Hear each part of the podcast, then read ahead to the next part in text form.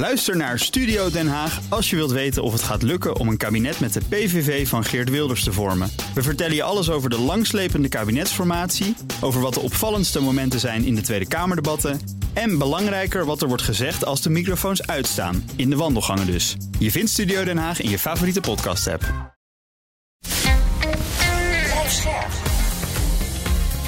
BNR Nieuwsradio. Boekenstein en de Wijk. Hugo Reitsma. Welkom bij Boekenstein en de Wijk. Het is woensdag, dag 707 van de oorlog. En we beginnen, geloof ik, bij het Russische offensief. Ja, mag je wel zeggen. Nou, kijk, daar praten we eigenlijk al uh, dagen, zo niet weken over. En dan uh, roepen we iedere keer dat uh, de Russen een voetbalveldje zijn opgeschoven. Ja. maar dat betekent dus wel dat de Russen in het offensief zijn en daar dus ook wel successen bij boeken. Dat wordt nu ook herkend door Oekraïne zelf. En die hebben gezegd van, er, moet, er wordt nu verwacht dat er met name in die, die Kharkiv, Luhansk Oblast-regio, uh, dat daar een groter offensief uh, begint te, komen. Uh, ze zeggen, nou, we zien dus inderdaad ook dat die Russen daar vorderingen kom, maken. Maar dan wordt er onmiddellijk bijgezet, ja, dat zijn ze wel aan het doen, maar ze lopen gewoon vast op ons. Nou, dat zal allemaal wel, maar ondertussen is het dus wel zo dat de rollen zijn omgedraaid. Ja. dus we, we spraken bijna een jaar geleden uh, toen we in blijde afwachting waren van het uh, Oekraïense offensief. Nou, dat is compleet vastgelopen. En ja, het is nu de, gewoon de vraag of dat Russische offensief ook gaat uh, vastlopen. Ja. Eén ding is zeker. dat Oekraïense offensief, het is toch belangrijk denk ik om dat even te zeggen, is vastgelopen door een meerlaagse defensie van, um, van, van, Rusland. mijnenvelden, tankgrachten, uh, drakentanden, ga zo maar door. Daar kwamen ze niet doorheen. Als je door de ene heen komt, kom je door de andere. Uh, en die meerlaagse defensie, uh, die fortificaties over meerdere lijnen achter elkaar, die ontbreken volgens mij nog steeds in Oekraïne. En dat is hm. wel een fundamentele zwakte. Ja. Uh, en Budanov, die man van de geheime dienst, weet je wel, ja. die ja. zegt die verwacht een Russisch offensief in het oosten dat het aan kracht gaat verliezen in de vroege lente. Ja. En dat dan het, het offensief van de Oekraïne zal starten. Hm. Oké, okay, maar hoe hij dat dan zou willen doen met zo weinig troepen is mij een raadsel. Maar eh, laat maar kijken wat er gebeurt. Nou ja, hij denkt natuurlijk dat die Russen zich helemaal eh, uitputten. Dat heb, heb, ik inderdaad ook uh, gezien. en ja, dat ze dan ehm, in staat zijn, de Oekraïners althans, om door te pakken in de richting van, van de Russen. Maar weet je, dan loop je weer vast op die ehm, uh, op die fortificaties. En het verdedigen is nu eenmaal makkelijker dan in offensief gaan, zeker als het om die fortificaties uh, uh, gaat. Ja. In de lucht, Arjan, zag ik wat interessante explosies gemeld op de Krim. Ja, de, gisteren zijn dus 21 Oekraïnse drones uh, bereikten de Krim, maar ook Bryansk, Kaluga en Tula, dus van alles aan de hand. Uh, vandaag een Russische aanval met drones op Kharkiv, drie gewonden. Uh, een Oekraïnse cyberaanval op het Russische ministerie van Defensie, waarbij een server tijdelijk werd uitgeschakeld.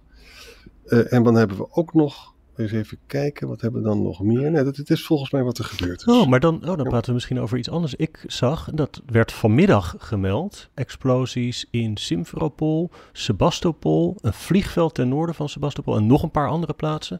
En daarbij kwam ergens het bericht dat de Russische autoriteiten hadden gewaarschuwd voor Oekraïnse gevechtsvliegtuigen in de lucht, mogelijk met Storm Shadows. Dus misschien zijn er ja. dus vandaag opnieuw aanvallen op de ja, Krim dat, uitgevoerd. Ik denk dat je daar gelijk in hebt. Overigens ja. zag ik ook nog gisteren gemeld dat boven Luhansk een uh, Russische Su-34, zo'n, dat is een heel modern gevechtsvliegtuig, is neergehaald. Hmm. En je zag ook nog berichten dat um, die small diameter... Ja, uh, de, ja. de ground-launched small diameter bomb uh, bericht in Politico dat dat mogelijk vandaag, in elk geval deze week, was ook ergens anders het verhaal, eindelijk geleverd zou worden aan Oekraïne. En dat is eigenlijk een beetje een uh, alternatief voor de ETECMS, zoals ik het begrijp. Ja. Die kunnen dus wat verder dan de, die HIMARS, die in grotere getalen uh, zijn geleverd. Maar die ETECMS, daar hebben ze weinig van aan Oekraïne geleverd. die GLSDB's, daar zijn er heel veel van. Uh, die kunnen tot 150 kilometer, twee keer zoveel als die, die kleinere HIMARS-raketten. Ja. En het, dat is dus ook weer zo'n knutselbom. Van het is ja, een, dit is inderdaad een, uh, raket, zeg maar, uh, die aan een, uh, aan een normale bom wordt geschroefd. Want zo zal het ongeveer wel zijn. Ja. En die wordt dus ook inderdaad in een boogje ballistisch afgeschoten. Dus dat is, ja, het is gewoon een knutselbom. Het is huisfluit van eh, Boeing en Saab. Ehm, het is goedkoop. En er zijn er een hele hoop van. Dus je, Ja. kunt, eh, je kunt hier echt heel veel mee. En eh, nou ja, eh, ik hoorde net van jou, eh, Hugo, dat, of Arjan, ik weet niet meer wie het zei. ehm, eh, toen we even dit aan het voorbereiden waren, van ze zullen daarmee helemaal in Rusland kunnen komen. Dat is niet zo. Hè? Het is maar 150 kilometer waarmee je hier weg kunt komen. Je komt er wel een eind mee het Russisch bezet gebied in. Ja, zeker. Ja, waar je dan dus hoofdkwartieren, wapenopslagplaatsen, nou, al die dingen die eerst met die HIMARS Ja. werden aangevallen, nog een stukje verder naar achter kan drijven. Ja, nou ja, het is wel betekenisvol dat die dingen nu eh, komen. Want eh, ja, dit is wel. Het zijn grote bommen hoor, het is 250 pond. Dus het zijn behoorlijke eh, bommen die, die eronder eh, worden gehangen onder zo'n raket. En Oekraïne heeft het heel hard nodig, hè? Ja. Op dit moment. Ehm, we moeten denk ik eens even kijken naar al die geruchten die er gaan over Zaluzhny, hè, de hoogste Oekraïense generaal. Die zou door Zelen die zou Zelensky zou die willen ontslagen, maar dat is toch niet gebeurd. Ja, er zijn allemaal verhalen. Een van de versies is dat hij dus een andere baan heeft aangeboden gekregen. Dat hij defensieadviseur zou moeten worden. Dat heeft hij geweigerd. Vervolgens is dat natuurlijk allemaal gelekt. Ja, het is een groot probleem. Want Saluzhny was dus een, is een topgeneraal. Die dat beroemde essay toen gemaakt heeft. Waarin hij zegt van ja, er komt geen doorbraak. Hè. Dat Ja. kwam dus Zelensky politiek natuurlijk Zelensky helemaal niet uit. leuk? Nee. Ja. En, eh, maar hij is zeer populair bij de bevolking. Dus het is, dit- En bij de troepen, niet te en vergeten. bij de troepen ook. Dus dat is, Dat is misschien nog wel belangrijk hoor, dat hij eh, populair is bij eh, de troepen. Want als je zo'n man die zo populair is, de wacht aanzet en hem eruit gooit, dan heeft dat natuurlijk eh, enorme gevolgen voor het moreel van, eh, van de troepen. Dit is gewoon wat je niet wil. De, de Russen hebben daar ook een aantal malen eh, mee gehandeld met dit Mhm. soort eh, ontslagen. En dan zie je dus gewoon eh, dat dan eh, feitelijk ook de futter een beetje uitgaat op bepaalde, eh, in bepaalde Ja. onderdelen van, eh, de Rus- eh, van het Russische eh, offensief. Eh, maar dat is dan redelijk lokaal. Maar dit, dit geldt gewoon feitelijk voor het hele offensief. En voor de hele verdediging van, eh, van Oekraïne, die daarmee wordt ondermijnd. En het is altijd heel erg slecht als dit soort shit ontstaat eh, tijdens een oorlog. Want dat, dat betekent gewoon dat er een geweldig probleem is over de koers die gevaren moet worden. Nou, je hebt net al genoemd eh, dat uh, roemruchte artikel in, in The Economist, waarin hij zei van er, een doorbraak is niet goed mogelijk. Daar heeft hij natuurlijk helemaal gelijk in. Er was ook geen enkele expert die zei van eh, dat eh, gaat niet gebeuren. Maar Zelensky wil dat niet horen. En ik begrijp dat dit inderdaad een probleem is eh, van persoonlijkheden. Het zijn ego's die hier botsen. En dat is heel erg slecht tijdens de oorlog. Washington Post die schreef dat een van de punten waar ze over het oneens zijn, dat is die extra mobilisatie. Hè? Dat Solution wil Ja. dus een half miljoen extra Ja. mensen. En politiek ligt dat gewoon heel ingewikkeld. Nou ja, politiek eh, lukt dat gewoon niet, omdat eh, er eh, enorme oorlogsmoeheid is. En heel veel mensen die zien gewoon wat daar gebeurt. En die zeggen, van, ja, moet ik vechten voor iets waar ik zeker van weet dat we niet veel verder komen. Dus wij willen het niet. Dus ja, dit is, ja, dit vereist natuurlijk ook van Zelensky een ander soort leiderschap. Want je moet hu- nu, om het heel cru te zeggen, mensen de dood injagen voor een hoger goed. En eh, terwijl die mensen dat misschien helemaal niet willen. Eh, dus daar zit echt een geweldig probleem in hoor. Er wordt zelfs gezegd dat Budanov misschien uh, Solution gaat opvolgen. Ja. ja. Je moet het maar even afwachten. Maar het is geen goed nieuws dit. En Budanov, hè, die is, eh, Arend-Jan, je hebt het al gezegd, is van de inlichtingendienst, maar eigenlijk van de GUR, de GOER. En eh, dat is een club die ook de geheime operaties aanstuurt eh, eh, tegen Rusland. Dus het is een man die op zich eh, wel een hoog aanzien heeft en zeker wat kan. Zeker. Even naar problemen aan de andere kant. Dat is toch de leukere kant om problemen te bespreken. Rob, jij zei iets over een verzwakte Poetin. Wat, wat Ja, is dat? is een Burns, de CIA-directeur, die heeft een stuk gepubliceerd in Foreign Affairs. Eh, misschien moeten we later nog eens even wat meer aandacht aan besteden. Maar hij zegt, ja, weet je, door die hele Prigozhin-affaire, waar wij het ook vaak eh, genoeg hebben gehad en die die uiteindelijk de lucht uit eh, heeft eh, geschoten, is zijn positie toch redelijk verzwakt. Ehm, eh, nou, dat wil ik best geloven, maar tegelijkertijd moet je ook constateren, en dat zegt Burns ook trouwens, maar zijn positie is verzwakt, maar nog steeds sterk. Dus ja, wat je daar dan uit moet opmaken, is dat hij er nog steeds zit en nog steeds de boel onder controle heeft. Maar met name hoe die heeft uh, hoe die is omgegaan met Prigozhin. En dat Poetin eigenlijk in geen velden of wegen te zien was toen hij oprukte naar, naar Moskou pas na enige tijd. En na enige tijd is er pas ingegrepen. Dat heeft zijn positie kennelijk verzwakt. Maar het interessante is ook uh, dat uh, de CIA bezig is om uh, onder het hogere echelon binnen de inlichtingendiensten, maar denk ik ook binnen het militaire apparaat, te ronselen. En dat doen ze door middel van video's. Die video's kunnen worden verspreid in Rusland, kan via de sociale media eh, en allerlei andere kanalen. En daarin worden ze opgeroepen om over te lopen. De spionnen moeten overlopen, maar ook wordt gevraagd van, nou, geef onze informatie en daar, daar staat de beloning tegenover. Het is niet helemaal duidelijk hoe succesvol het is, maar het gebeurt wel. Hij suggereert het artikel dat hij makkelijker de spionnen kan recruteren dan vroeger. Ja. En, en dat betekent dus dat Poetins greep dus uh, ja, exact. verzwakt, verslapt. Exact, exact. Maar dit kan natuurlijk ook gewoon bij de propaganda hmm. horen die uit Amerika komt. Hè? Uh, want dit is natuurlijk... Uh, um, olie op het vuur in het, uh, in het Kremlin. Want dit betekent feitelijk dat er dan wordt gedacht van, oh mijn god, wie zijn hier nog te vertrouwen in het Kremlin? Dus dit, dit hele stuk is interessant, maar het hoeft ook gewoon niet waar te zijn. Ja. En over propaganda gesproken, heb je natuurlijk ook Russische propaganda die hier wel eens in het Westen door politici wordt verspreid.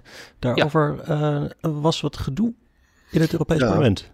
Een letse Europarlementariër, die heeft dus gespioneerd uh, voor de FSB.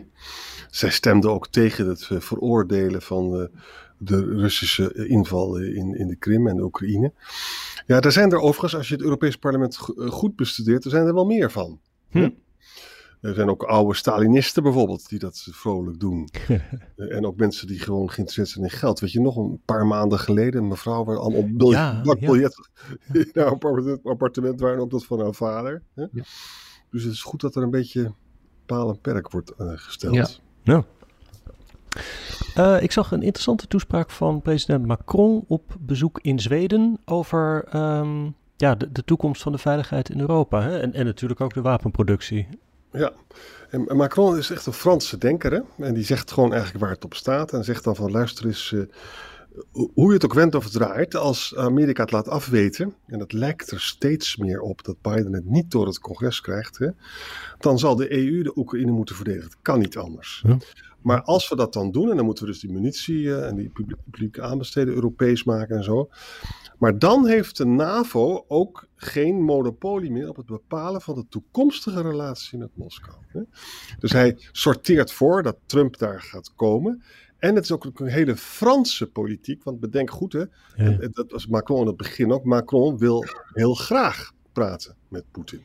Hè? En dat gaat hier natuurlijk ook over. Van uh, luister eens, wij denken niet dat de Oekraïne kan winnen, maar we gaan Oekraïne enorm steunen. Maar dan vervolgens, dan uh, kunnen we met z'n allen gaan bepalen wat de toekomstige relatie met Moskou wordt. En zoals je weet, Frans, ik wil altijd een deurtje open houden naar Moskou ja, ik weet het niet hoor. Want als je het helemaal. Ik, ben het eens met je analyse, uh, Arend Jan. Maar uh, de vraag is natuurlijk of uh, Macron daarin gelijk gaat krijgen. Ja. want um, hij zegt van ja, wij gaan ons dan bemoeien met die veiligheidsarchitectuur in Europa. Lijkt mij prima om dat te doen. Lijkt mij uitstekend om. Um, de Amerikanen op dat punt ja, niet helemaal te vertrouwen, omdat je gewoon niet weet wat er gebeurt na Biden. Uh, maar de uitkomst uh, van welke discussie ook is dat je gewoon een nieuw ijzeren gordijn gaat krijgen. Je krijgt gewoon een harde afscheiding hmm. uh, tussen Rusland en, en het, het, het, westelijk deel van Europa. En de grote vraag is natuurlijk of in zo'n discussie de Amerikanen onder wie door wie dat dan ook wordt geleid, dat land, uh, echt essentieel anders denken dan uh, de West-Europeanen. Je kan niet anders dan uh, voor, de, voor de time being een harde afscheiding krijgen. Dus ik begrijp het allemaal wel. Het gaat veel meer over de situatie daarna. Als je zo'n harde afscheiding hebt, hoe zorg je er dan voor dat je uiteindelijk over vele jaren een normalisering van de betrekking krijgt met Rusland? Maar ik kan je melden, dan zit Macron er ook niet meer hoor. Ja. Macron had het ook over uh, wapenproductie, uh, dat die moest worden vergroot. En diezelfde oproep wordt gedaan in een ingezonden brief aan de Financial Times door de premiers van Duitsland, Denemarken, Tsjechië, Estland en Nederland. Ja. ja. Europa moet meer doen. Hè? De belofte was 1 miljoen granaten voor eind maart dit jaar. Nou, dat is dus niet gelukt. En er zijn twee opties: donatie van bestaande voorraden of gemeenschappelijke aanbesteding van munities. Weet je, ik vind het eigenlijk. Ik zou zo graag willen dat ze het doen, in plaats van dat ze zeggen dat ze het gaan doen. Het is onvoorstelbaar dit hoor. Het is echt onvoorstelbaar dat er gewoon, ja, er gebeurt te weinig. Uh, we zakken gewoon weg in geld en procedures. Uh, met name aanbestedingsprocedures. Uh, de bedrijven die zeggen, ja, kom nou eerst een keer over de brug uh, met opdrachten. dan gaan we eens een keer praten, maar we gaan niet hele nieuwe productielijnen opzetten voordat we weten of we überhaupt iets kunnen leveren. dus hm. het, het, grappige is, ik bedoel, je leest natuurlijk op, op X continu van, ja, dit wordt ook helemaal door het militaire industriële complex, wordt dit voortgejaagd, deze oorlog. Nou ja, dat is nou juist het probleem, die doet namelijk geen fluit. Exact, exact. Geen woorden, maar daden. Ja. En, ze zijn, en als ze het nu pas opstarten, dan wanneer, wanneer heb je die munitie dan? Dat, dat, duurt nog, dat duurt misschien nog wel een jaar. Ja. Nog veel meer, veel meer voordat die, ik bedoel, zeker als dit soort trage uh, uh, aanbestedingstrajecten moeten worden lopen, dan kan misschien het aanbestedingstraject op zich al een jaar gaan duren. Ja, weet je, dit, dit schiet natuurlijk gewoon niet op en de lachende derde is Poetin. Uh, volgens mij, ik zag ergens, ik weet niet of dat nou al besloten is, maar dat de Europese defensieministers, die zijn ook weer bij elkaar, dat die nu de belofte dus voor de toekomst willen doen van die miljoen artilleriegranaten per jaar en dat dan dit keer wel halen. Maar is dat dan, dat is ook niet genoeg, toch? Nee, een miljoen is dat natuurlijk niet. Uh, reken maar uit wat je, wat je per dag verschiet dus um, ja, de, de tijden dat je 19.000 granaten op een dag kon uh, verschieten, die zijn echt voorbij. Dat wordt nu enorm geransoneerd naar een aantal uh, duizenden. Dat is meteen ook het grote probleem van Oekraïne. Dus het kan, ja, ik, ik zit ook te denken aan zo'n zo'n offensief dat moet worden georganiseerd. Daar heb je natuurlijk immense hoeveelheden munitie voor nodig. Geldt trouwens ook voor de, de Russen. Ja, ik, ik, ik zie daar gewoon, dat, dat loopt uit fase. Weet je, uiteindelijk kan je dat allemaal wel produceren, maar je hebt het nu nodig. Ja. ja. We moeten misschien ook even iets zeggen over morgen is een EU-top, hè? Oh, ja, ja, de EU-top. en Orbán ligt natuurlijk weer dwars. Nou, is er iets gelekt wat niet had moeten lekken, namelijk een plan van de Europese Raad om Hongarije enorm onder druk te zetten. Want als het zo is dat ze überhaupt geen geld meer krijgen, dan zou ook de Hongaarse munt uh, uh, onder vuur. ja, dat verhaal. Ja, ja. En dan zou ook de investeringen onder vuur. En dan zouden ze via die route maar helaas is dat allemaal uitgelekt. En nu kan dat natuurlijk weer bij de, ja, de euroceptische landen weer munitie vormen. Ik ben heel benieuwd hoe het gaat aflopen. Ja, dat is natuurlijk gewoon uitgelekt. Eh, Laten, dit is ook een waarschuwing aan allerlei partijen die uh, de rechtsstaat uh, willen uh, ondermijnen. En die zitten vooral bij rechts, extreem rechts.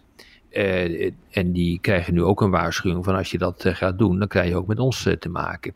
Kijk, en wat zij, wat zij kennelijk wilden, en dat is helemaal geen plan of zo, maar dat is denk ik een optie die, nou ja, waar je over zou kunnen praten, is dat je um, Hongarije zo aanpakt dat het steeds lastiger wordt en steeds moeilijker wordt voor investeerders om daar te gaan zitten, omdat die het vertrouwen ondermijnen. Kijk, wat, wat er aan de hand is, is um, er, een, er is een directe relatie met de rechtsstaat.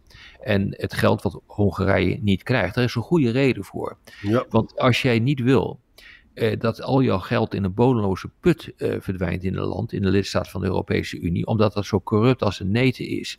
En uh, er zijn geen goede procedures om dat geld te besteden. Ja, dan, dan moet je aandringen op een goede rechtsstaat om ook dat geld op een behoorlijke manier daar te kunnen besteden. Alleen een land met een functionerende rechtsstaat kan dat. En als al die rechtsstaten op orde zijn binnen de Europese Unie, heb je ook een gelijk speelveld. Dus eh, dit is wel echt cruciaal. Dit is dus niet alleen maar pesterij, omdat. Uh, uh, Orbán, uh, laten we zeggen, rechters zitten pesten of de media zitten pesten. Nee, dit, gaat, dit is veel fundamenteler. Je hebt een, een compleet gelijkwaardesysteem nodig binnen de Europese Unie om gewoon überhaupt uh, je geld, wat ook ons geld is uit Nederland, op een behoorlijke manier daar te kunnen besteden. En Orbán is ook kwetsbaar. Hè? De inflatie is hoog in Hongarije, een hoog begrotingstekort. En er is een precedent waar ik vandaag over las. Weet je nog, toen Berlusconi bezig was met zijn Boonga Boonga parties. En toen werd, was er een persconferentie, toen stond Sarkozy en Merkel naast elkaar. En toen vroeg een journalist van, wat vindt u eigenlijk van de hervormingen van uh, Berlusconi? En toen keken Merkel en Sarkozy elkaar alleen maar aan en toen mhm. lachten ze. Mhm. En dat was voldoende om de markten op hol te laten slaan. In Exact. Ja, ja, Ja. En wat ertoe leidde dat dus Berlusconi ook moest aftreden. Ja. Nee, maar En- alleen al als je dus dit soort dingen doet, of als je vertelt hoe belangrijk een rechtsstaat is en eh, voor het gelijke speelveld binnen de Europese Unie, eh, en dat je dus maatregelen wilt gaan nemen, alleen al dat schrikt eh, investeerders af en dat ondermijnt alleen al eh, de waarde van de Hongaarse munt. Ja, in mijn ervaring als verslaggever is het ook zo dat het meeste dat lek wordt genoemd in de pers, dat is gewoon de afdeling voorlichting die zegt, hier, wil je dit misschien hebben? Ja, het is niet heel veel bijzonder Tuurlijk. dan dat. En dat is dan ook dit- bedoeld als een, eh, als een, eh, een signaal vaak. Hugo, en dan weet je ook dat het helemaal geen geheim document was. Ja. Ik hoop heel erg dat Orbán omgaat. Maar jongens, hij, wat hij voor terugvraagt is: ik wil el- elk jaar een veto hebben. En daar moeten ze niet intrappen. Nee. Daar Ja. moeten ze niet intrappen. Jongens, we kunnen wel bijna twee podcasts opnemen vandaag. Laten we snel nou, doorgaan naar eh, het Midden-Oosten, waar ik in elk geval zag, een verhaal van de BBC geeft wel wat aan dat, zeggen op basis van satellietbeelden, dat inmiddels tussen de 144 en de 175.000 gebouwen in de Gazastrook zijn beschadigd of vernield. En dat is tussen de 50 en de 60 procent van alles wat er staat. Ja, Dus, eh, en dan moet je je ook realiseren, Hugo, wat dit dan allemaal heeft opgeleverd. Hè? Want als je nu kijkt naar Hamas, die is dus terug, god beter, het in, Noord, in het noorden van Gaza. Jij zei dat. En die is, Ja? ja? en die is Ja. dus bezig om het, mobilizet, eh, m- eh, het, het, eh, het verzet tegen eh, eh, Israël te mobiliseren. En bouwt ook nog eens een keer een nieuw bestuurssysteem daarop. En dat doen ze. En, en over dat bestuurssysteem, ze hebben de zaak in het zuiden. En in zekere zin ook in de, het centrale deel van, van Gaza. Hebben ze nog steeds behoorlijk onder controle. En daar zit de meerderheid van de bevolking. Is het Het is echt, oh ja, nou ja, dat heeft te maken met de aard van de oorlogvoering. We hebben eh, er al vaker over gesproken van eh, hoe je dit doet. Is je, eh, je beukt erop en je, je bombardeert totdat, nou dan krijg je dus dit soort getallen die je net noemde Hugo. Maar als je dat dus doet, dat betekent toch niet dat je daarmee ook het bestuurssysteem en de ideologie weggebombardeerd hebt. Eh, dus op het moment dat die eh, lui zo gedreven zijn om eh, dit toch weer terug te pakken ten opzichte van eh, de Israëlische strijdkrachten, dan kun je er dan kun je ervan uitgaan dat men gewoon niet opgeeft en dat men weer probeert te herstellen van wat er is. Ook al kun je de gebouwen niet herstellen op dit ogenblik. Moet Maar je hebt wel heel veel tunnels. Moet je weten hoe erg het is. Ze hebben dus maar tussen de 20 en de 30 procent van die tunnels weten uit te schakelen. Hè? Ja. Nou, Rob vertelt nu dat de jongens dus gewoon terugkomen. Nou, vandaag is Israël ook begonnen met het onder water zetten van die tunnels. Maar dat werkt dus ook niet, omdat die tunnels poreus zijn. En het water lekt dus gewoon weg. Ah. En, en daarnaast gaat het het drinkwater verontreinigen. En ook Oh. het rioolwater Ja, wordt ja. vermengd met het drinkwater. Dit is geen goed nieuws hoor, voor Israël dit. Nee. Hm. Nee, ze hebben dus 900 van de 30.000 strijders eh, gedood. Ja, eh, even heel cru gezegd, dus nog 21.000 te gaan. En dus er zijn er nog heel erg veel. Maar je moet dus constateren ja, dat op dit ogenblik eh, ja, dat, eh, wat ze bereikt hebben echt redelijk tegenvalt. Ja. Van alle verschillende aanvallen die her en der worden gemeld, misschien wel eentje er specifiek nog even uit te halen van gisteren. Toen Israëliërs vermomd als eh, ziekenhuispersoneel een ziekenhuis op de westelijke Jordaanoever ingingen en daar eh, drie mensen hebben doodgeschoten. Ehm, ja, misschien een domme vraag, maar dat, dat kan toch, dat mag toch niet? Nee, dat mag ook niet. Nee.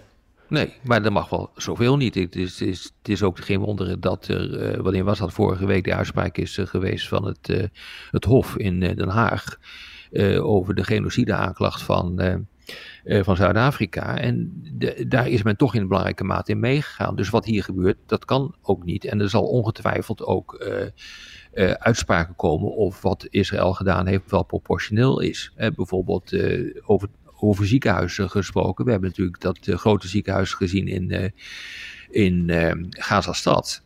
dat gebombardeerd is. Ja, weet je, daar zijn ernstige bedenkingen over of dat wel proportioneel is geweest. Dus Hm. Israël die schuurt echt tegen wat, wat mogelijk is en gaat vermoedelijk ook af en toe de grens over, over wat je eigenlijk mag doen tijdens een oorlog. En dat verklaart bijvoorbeeld ook dat het Britse beleid is veel kritischer dan Den Haag. Hè? Hm? Cameron is bereid om een Palestijnse staat te erkennen, wil hard werken aan een twee-staten-oplossing. En hij noemt gewoon in een speech de Israëlische veiligheidspolitiek van de afgelopen 30 jaar een fiasco. Nou, dat heb ik Mark Rutte nooit horen zeggen. Nou ja, goed, als je nu ziet in welke situatie ze zijn gekomen en uh, je hebt een situatie nu ook gecreëerd met deze uh, bombardementen waar je niet goed uit kunt komen, dan hebben we wel een probleem. En dat blijkt dus ook uit die hele discussie uh, over dat vredesakkoord waarover onderhandeld wordt. Eigenlijk het geen vredesakkoord moet ik zeggen, maar het is een staakt het vuren. Oh ja, wat was daar? Daar was weer nieuws over, hè? het mogelijke bestand. Ja, nou ja, er is dus in Parijs is er overlegd. Uh, en uh, wat eruit is gekomen is een idee om één maand lang een zaak de vuur in achter te nemen. Dat is op zich is dat prima als je daar overeenstemming over zou kunnen bereiken. want dan hoop je altijd dat dat de opmaat is naar meer. Drie fasen worden dan afgesproken binnen die maand. Eerst zouden de 35 vrouwen en kinderen, et cetera, worden. Uh, en, en nou, vandaag, die zouden dan uh, worden vrijgelaten, gijzelaars. Dan vervolgens wordt er een uitwisseling gedaan van soldaten. En dan vervolgens zouden de, uh, de doden kunnen worden teruggegeven. Ja, um, Hania, de leider van Hamas in Gaza, die is afgereisd naar Egypte. Egypte is een van de landen uh, die meedoet in dat overleg met de Amerikanen en Qatar en Israël. Maar ja, vervolgens wordt dat natuurlijk onmiddellijk weer de kop ingeslagen door Netanyahu. Die zegt van, hey, ik zal absoluut nooit accepteren dat er enige terugtrekking zijn, uh, is van Israëlische troepen. Hmm. En uh, Hania die roept natuurlijk van, ja hoor eens even, ik wil dat die troepen terugtrekken, trekken, ja. zich terugtrekken. Ja, dat schiet natuurlijk ook dat, niet op. Dat gaat dus niet werken. Nee. Ja. En waar wel dus uh, iets positiefs gebeurt is dat Hezbollah onder druk van Iran die kondigt aan om dus geen militaire operaties meer tegen Amerikaanse troepen in Irak en Syrië te ja, doen. Ja, precies. Dat is dat Kataib Hezbollah. Hè? Dus dat is ja. een, een, militie in Irak die onder invloed staat van Iran. Dat is niet de Hezbollah in uh, Libanon. Exact. Ja. Maar dat is toch echt positief nieuws. Ja, want Dit die zaten waarschijnlijk achter die aanval in Jordanië, hè? waarbij ja. die Amerikaanse militairen zijn gedood. Ja. Ja, sterker nog, uh, wat dus ook is uitgelekt, is dat uh, de een van de, de, de topleiders eh, van eh, de revolutionaire garde van Iran, die is ook afgereisd naar Bagdad. Uh, om de zaak te controleren of te coördineren tussen al die strijdgroepen. Um, en ja, die komt ook niet veel verder op dit ogenblik. Hè. Dat, is admiraal, dat is generaal Ghani.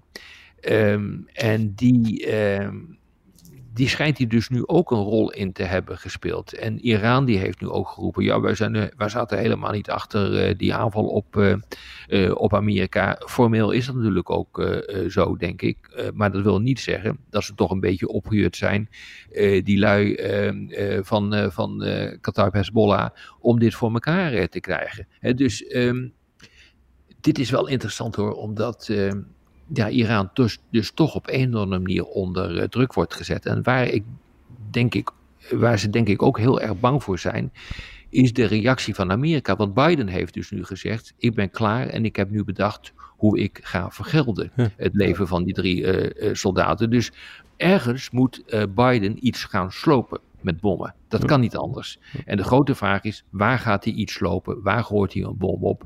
Zodanig dat er niet een directe oorlog ontstaat met Iran. Dus dat is, dat is echt heel bijzonder wat hier nu aan de hand is. Ja. Nou, nog een laatste dingetje. De duizenden Indiërs, die gaan in Israël werken. 10.000.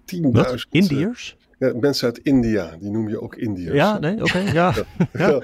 En die, en die, want je weet dus dat er werk zitten zoveel mensen in de krijgsmacht binnen IDF. Ja. Dat, uh, dus gaan gewoon een, een, een blik met 10.000 Indiërs wordt opengetrokken. Er is grote werkloosheid in India. En die gaan naar Israël toe huh. om de zaak uh, draaiende te houden. Met name in de constructiewerkzaamheden.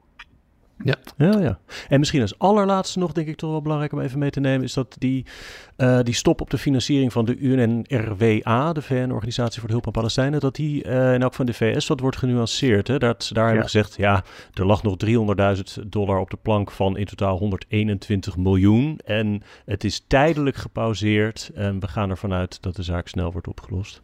Ja, ja dus... het is een duidelijk signaal, ook in de richting van de VN, om dit op deze manier te doen. En je kan natuurlijk niet een heel hele bevolking gijzelen, eh, omdat twaalf mensen compleet uit de bocht zijn uh, Maar dit is wel een duidelijke signaal die is afgegeven. Okay. Daarmee houden we het nog net onder een half uur. Ik hoop dat mensen niet in de problemen komen, want ik weet dat veel mensen het onderweg naar hun werk luisteren en zo. Dan komen ze te laat. Excuus daarvoor en tot morgen. Tot morgen. Ook Hugo Reitsma vind je in de BNR-app. Superhandig die BNR-app. Je kunt alle programma's live luisteren, breaking nieuwsmeldingen. Je blijft op de hoogte van het laatste zakelijke nieuws. En je vindt er alle BNR-podcasts, waaronder natuurlijk de belangrijkste, Boekestein en de Wijk. Download nu de gratis BNR-app en blijf scherp.